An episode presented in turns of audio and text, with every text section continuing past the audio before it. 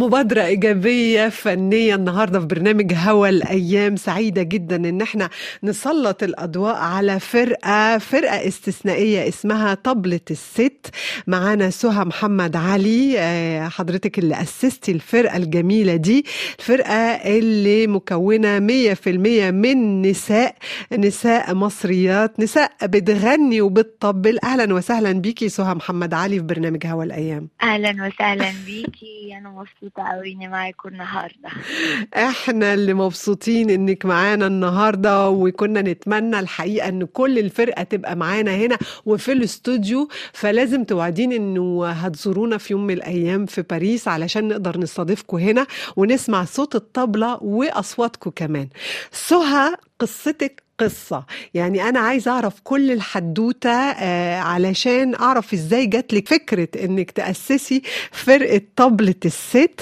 آه متهيألي في البداية كان في عشق كان نفسك تطبلي تتعلمي آه الآلة الجميلة الطبلة دي اللي كانت دايما في إيدين الرجالة. آه وشوية شوية أسستي الفرقة. كلمينا عن فرقة طبلة الست. طبلة في إيدك شكلها. طبلة جنبي وفي قلبي قلبي بيدق كده دم دم دم دم على وزن الطبلة. الله. قابلتيها إمتى وإزاي الطبلة دي؟ شوفي أنا من سبع سنين 2017 أو 18 قررت أتعلم طبلة. مم. فرحت الأستاذ سعيد الأرتس اشتركت معاه في معهد الموسيقى عندنا. وبدأت أتعلم. فلما رحت هناك بقى الطبلة لمست قلبي. وبدأت أتعلم وبدأت أروح كمان كورسات تانية وأقدم في أكاديمية الفنون علشان أتعلم غنى. آه، وحبيت إن أنا أمزج الاتنين ببعض أغني وأطبل في نفس الوقت. و- وأغني بقى أغاني من الفولكلور المصري ومن التراث المصري. ولما حبيت أعمل كده حبيت أعمل كده بشكل جماعي مش بشكل فردي. مم. فكلمت ستات وبنات من ال- الورش والمعهد اللي أنا كنت موجودة فيه طول الوقت. وبدأت أحكي لهم على الفكرة بتاعتي وقالوا طيب يلا نجرب. فبدأت أجيبهم وأشتري ضفوف وأجر استوديو وأعلمهم الإيقاع عشان هما في البداية كانوا مهتمين بالغنى بس.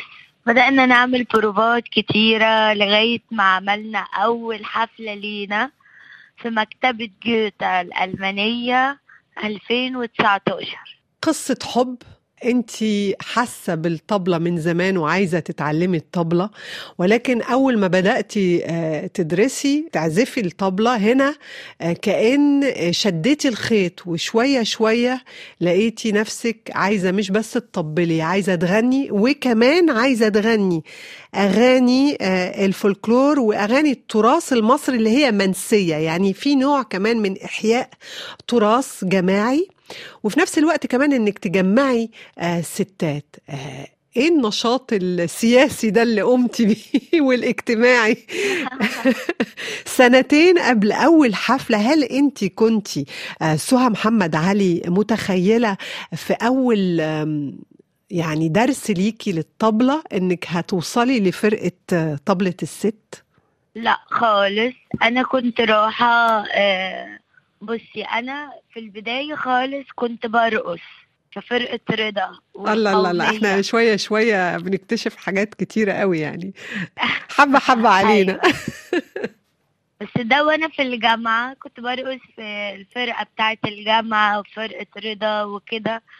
فبرضه كان في نطاق الفنون الشعبية. والفولكلور المصري. نعم. فجيت وقفت فترة الرقص وقلت أنا عايزة أعمل حاجة جديدة. فكنت وأنا بدور من ضمن الحاجات اللي بعملها وبتعلمها قلت ما أجرب طبلة. مهم. ف... فمش في بالي أي حاجة. أنا عايزة أنبسط وعايزة أتونس بالطبلة. الطبلة بتفرح القلب وبتمزج الدماغ وبتطلع طاقة. فأنا رايحة الأول عشان أنبسط يعني مش رايحة علشان أعمل فرقة مش في دماغي. خالص بس من كتر حبي ليها لا أنا عايزة تبقى شغلانتي أطبل الصبح وأطبل الليل وتبقى حياتي كلها من البروفا دي للحفلة دي لل للموسيقى دي يعني عايزة كل حياتي تبقى كلها طبلة وغنى. وعرفتي تحققي الحلم ده.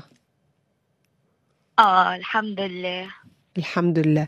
من شوية ما كنت بتكلمينا عن الطبلة كنت بتقولي لنا إنه هو إيقاع إيقاع بوم بوم بوم بيفكر ب آه، بكمان دقات القلب. بيعمل فيكي إيه الإيقاع ده؟ الريتم ده بيعمل فيكي إيه؟ إزاي ممكن توصفيه آه، لينا؟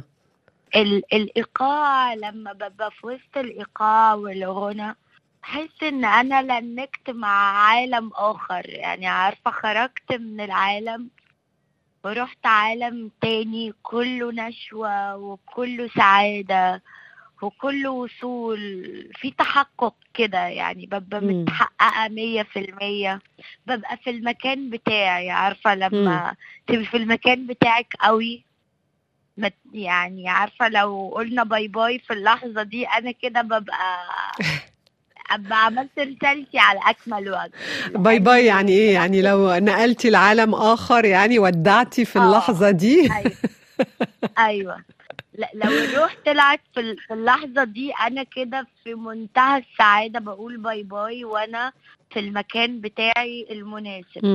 آه الإيقاع الجماعي ده من خلال فرقة طبلة الست كمان بيودينا لأماكن تانية. يعني آه اتكلمتي عن الغنى وفي نفس الوقت الإيقاع مع الطبلة وجمعتي نساء. إزاي قدرتي تجمعي آه الستات؟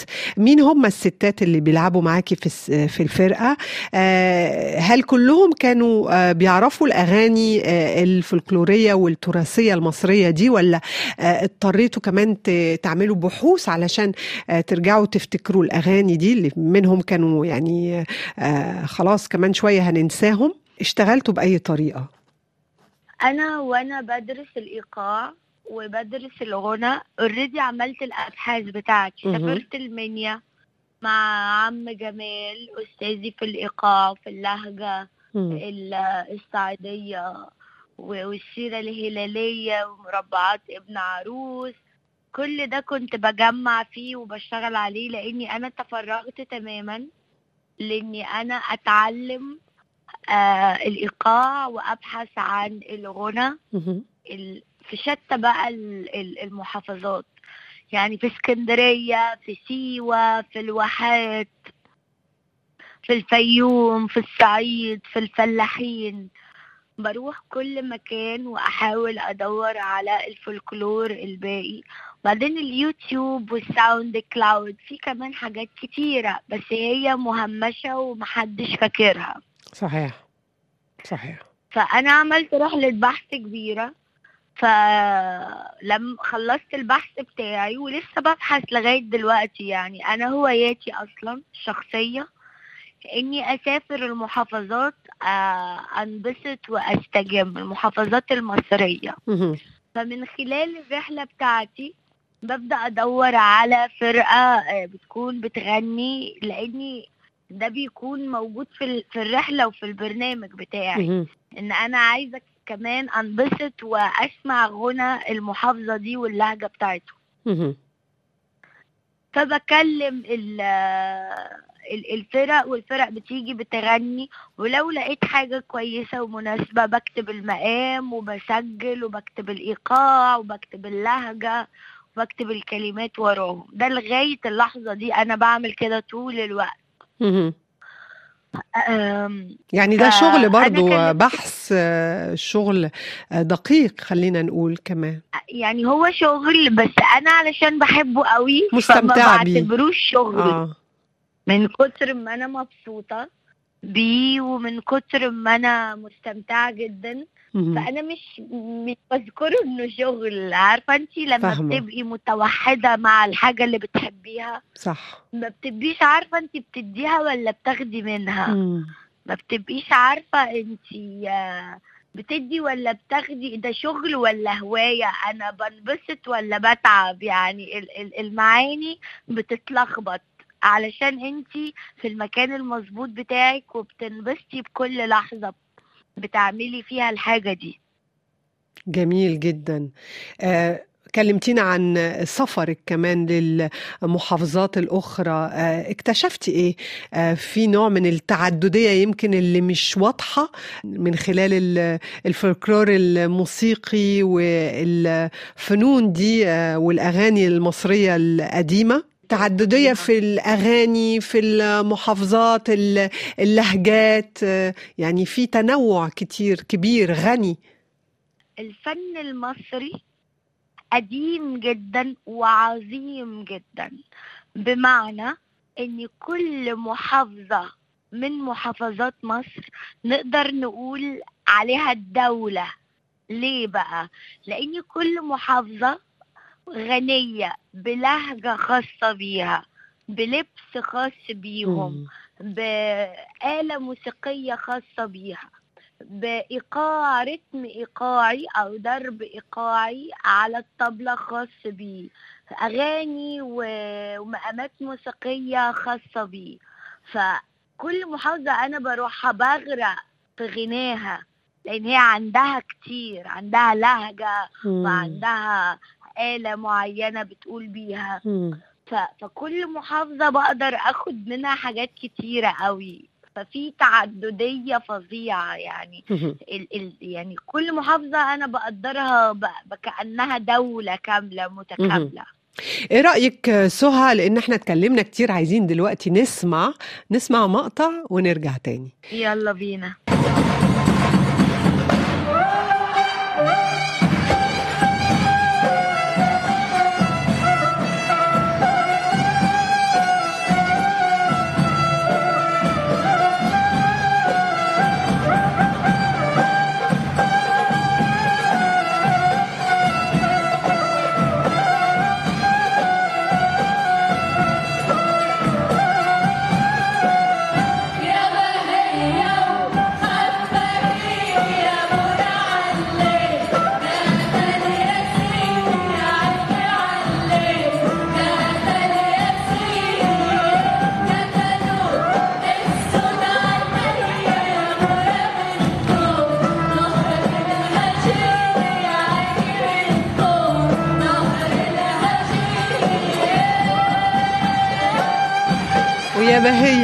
بهية يا بهية يا سهى الأجواء الجميلة دي. آه، أنا عايزة أعرف حاجة. دلوقتي دايما كنا متعودين إنه الطبلة في إيدين الرجالة الفنانين. آه، دلوقتي إحنا عندنا فرقة آه، طبلة الست. كلكم ستات. متهيألي هي دي كمان خصوصية الفرقة. الناس بتستقبلكم بأي طريقة. وانت المحيط بتاعك اما قلت لهم عن المشروع ده استقبلوه إزاي؟ شوفي أول حاجة آه مش حاجة جديدة في مصر إن الست تمسك طبلة. أكيد. يمكن في العصر ال ال ال العقد ده مثلا البسيط ده أو كذا عقد مثلا عشرين تلاتين سنة الحاليين لكن ال الست المصرية والراجل المصري بيمسكوا الآلات الإيقاعية أو الموسيقية بتاعتهم من آلاف السنين. وده موجود ومتسجل على جدران المعابد زي معبد دندرة اللي في قنا ستات ورجالة ماسكين دفوف وآلات موسيقية وآلات إيقاعية كمان زي سلاسل حتحور وبيغنوا وبينشدوا وبيعزفوا وبيطبلوا في نفس الوقت. صحيح. فدي حاجة مش جديدة على الشعب المصري. ده رقم واحد. رقم اتنين من مثلا ستين سبعين سنة كانت الست المصرية مشهورة أوي إن في طبلة موجودة فوق كل دولاب أسرة مصرية. ده قبل الدي جي وقبل الحداثة وقبل الكاسيت وقبل ال- ال- الموسيقى الإلكترونية. ليه؟ في فكان- ليه في طبلة في كل بيت؟ كان في كل بيت طبلة ليه؟ عشان الأسرة هي اللي كانت بتقوم بدور الفرقة منها في بعضها كانت الست تمسك الطبلة تنزل التيتا مثلا الست الكبيرة أو الأم تنزل الطبلة وتعزف عليها رتم كده اسمه الرتم الفلاحي دارج كده ملفوف وتبدأ هي تغني مش الطبلة في إيدك؟ الأسرة كلها. آه الطبلة في سهى آه طب. قولي لي إزاي؟ بتعمل إيه التيتا؟ بتطبل إزاي كانت؟ شوفي الإيقاع اللي أنا ب... ب... هقوله ده إيقاع موجود في معظم المحافظات وهو اللي بي... بيتمشي عليه كل الأغاني في الحنة أو في الفرح. يعني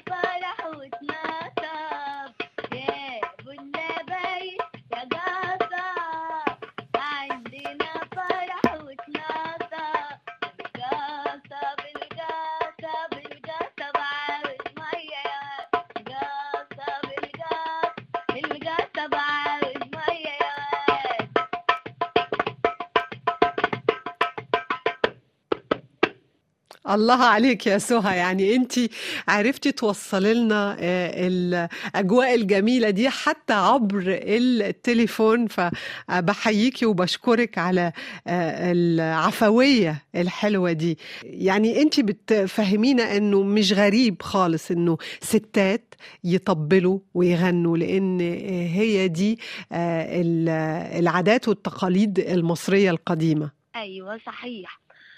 فالطبلة كانت موجودة فوق كل دولاب بيت علشان أول ما تيجي مناسبة الستات آه تبدأ الست تبدأ تطلع الطبلة مهم. وتغني و... وال... وال... والأهل البيت بيردوا عليها وهم اللي بيقوموا ب... بالفرقة مهم. ف- فده كان موجود لسه من 60 سنة وموجود في الأفلام يعني الأفلام الفلاحي الأبيض وأسود. تلاقي الست مطلعة طبلة وبتطبل والستات بترقص وبتغني. ده كان شيء سائد. فده مش شيء جديد خالص على مصر إن الست تمسك آلة إيقاعية أو موسيقية وتعزف بيها. دي حاجة موجودة في جيناتنا في ثقافتنا من آلاف السنين. إحنا طبلة الست بتعمل بس احياء لده. لكن ده عمره ما كان جديد إحنا مش بنعمل حاجة جديدة إحنا بنعيد احياء الحاجة اللي قعدنا. نعملها آلاف السنين جميل جدا. أنا حبيت الحماس بتاعك يا سهى. آه، وفي نفس الوقت أنتوا قدمتوا حفلات كتيرة قوي. شاركتوا آه، في حفلات آه، مهمة في مصر وبره مصر. إيه هي أهداف الفرقة دلوقتي؟ أهداف فرقة طبلة الست. أهداف فرقة طبلة الست إن هي تعمل أكبر الحفلات في محافظات مصر كلها عايزي ع- الفرقة عايزة تروح الصعيد تغني عايزة تروح الشرقية والمنصورة وسيوة والواحات وسينا واسكندرية وبورسعيد. عايزة تروح تغني في كل محافظة في مصر كلها. دي رقم واحد. عايزة تنشر البهجة والسعادة وتعرف المصريين قد إيه لهجتهم وغناهم وإيقاعهم لسه عايش في قلوبنا أصلي أنت عارفة معنى الفولكلور المصري ده إيه؟ قولي لي يا سهى الفولكلور المصري ده مهم. عبارة عن غنى مقامات موسيقية قيم موسيقية و- وكلام وألحان وإيقاع ملوش صاحب دلوقتي. طبعا صاحبه المصري القديم آه. لكن هو من كتر ما ما جيل سلم جيل سلم جيل ما بقاش في كاتب بعينه.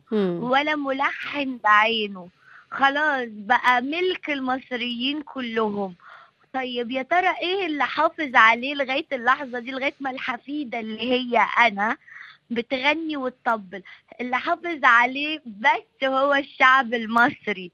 فضل يردد الأغاني جيل بعد جيل بعد جيل ويردد في التيم الموسيقية وفي الكلام وفي الإيقاع لغاية ما وصل للحفيدة اللي هو أنا. فالفولكلور المصري ده اتحفظ في قلوب المصريين كلها. علشان كده وصلني أنا. الله بس. الله عليكي. آه، أنا بشكرك آه، سهى آه، بجد. سهى محمد علي شكر كبير ليكي وتحية طبعا لكل مجهوداتك وتحية كبيرة كمان لكل أعضاء آه، فرقة الست. كل ست موجودة بتغني بتطبل بتحيي آه، الفولكلور والأغاني المصرية القديمة دي أغاني الشعب آه، بكل اللهجات لهجات اللغة المصرية. وطبعا إحنا هننهي الفقرة دي آه، بأغنية ليكوا بأصواتكم وبأصوات الطبلة. آه، شكرا جزيلا ليكي آه، سهى. وبنتمنى لكم المزيد من النجاح ونتمنى كمان نستقبلكم هنا في استوديوهات مونتي كارلو الدولية. شكرا ليكي وكتر خيرك ونشوفك قريب إن شاء الله. إن شاء الله شكرا. وهننهي ب يا بولبايش يا قصب. يلا بينا.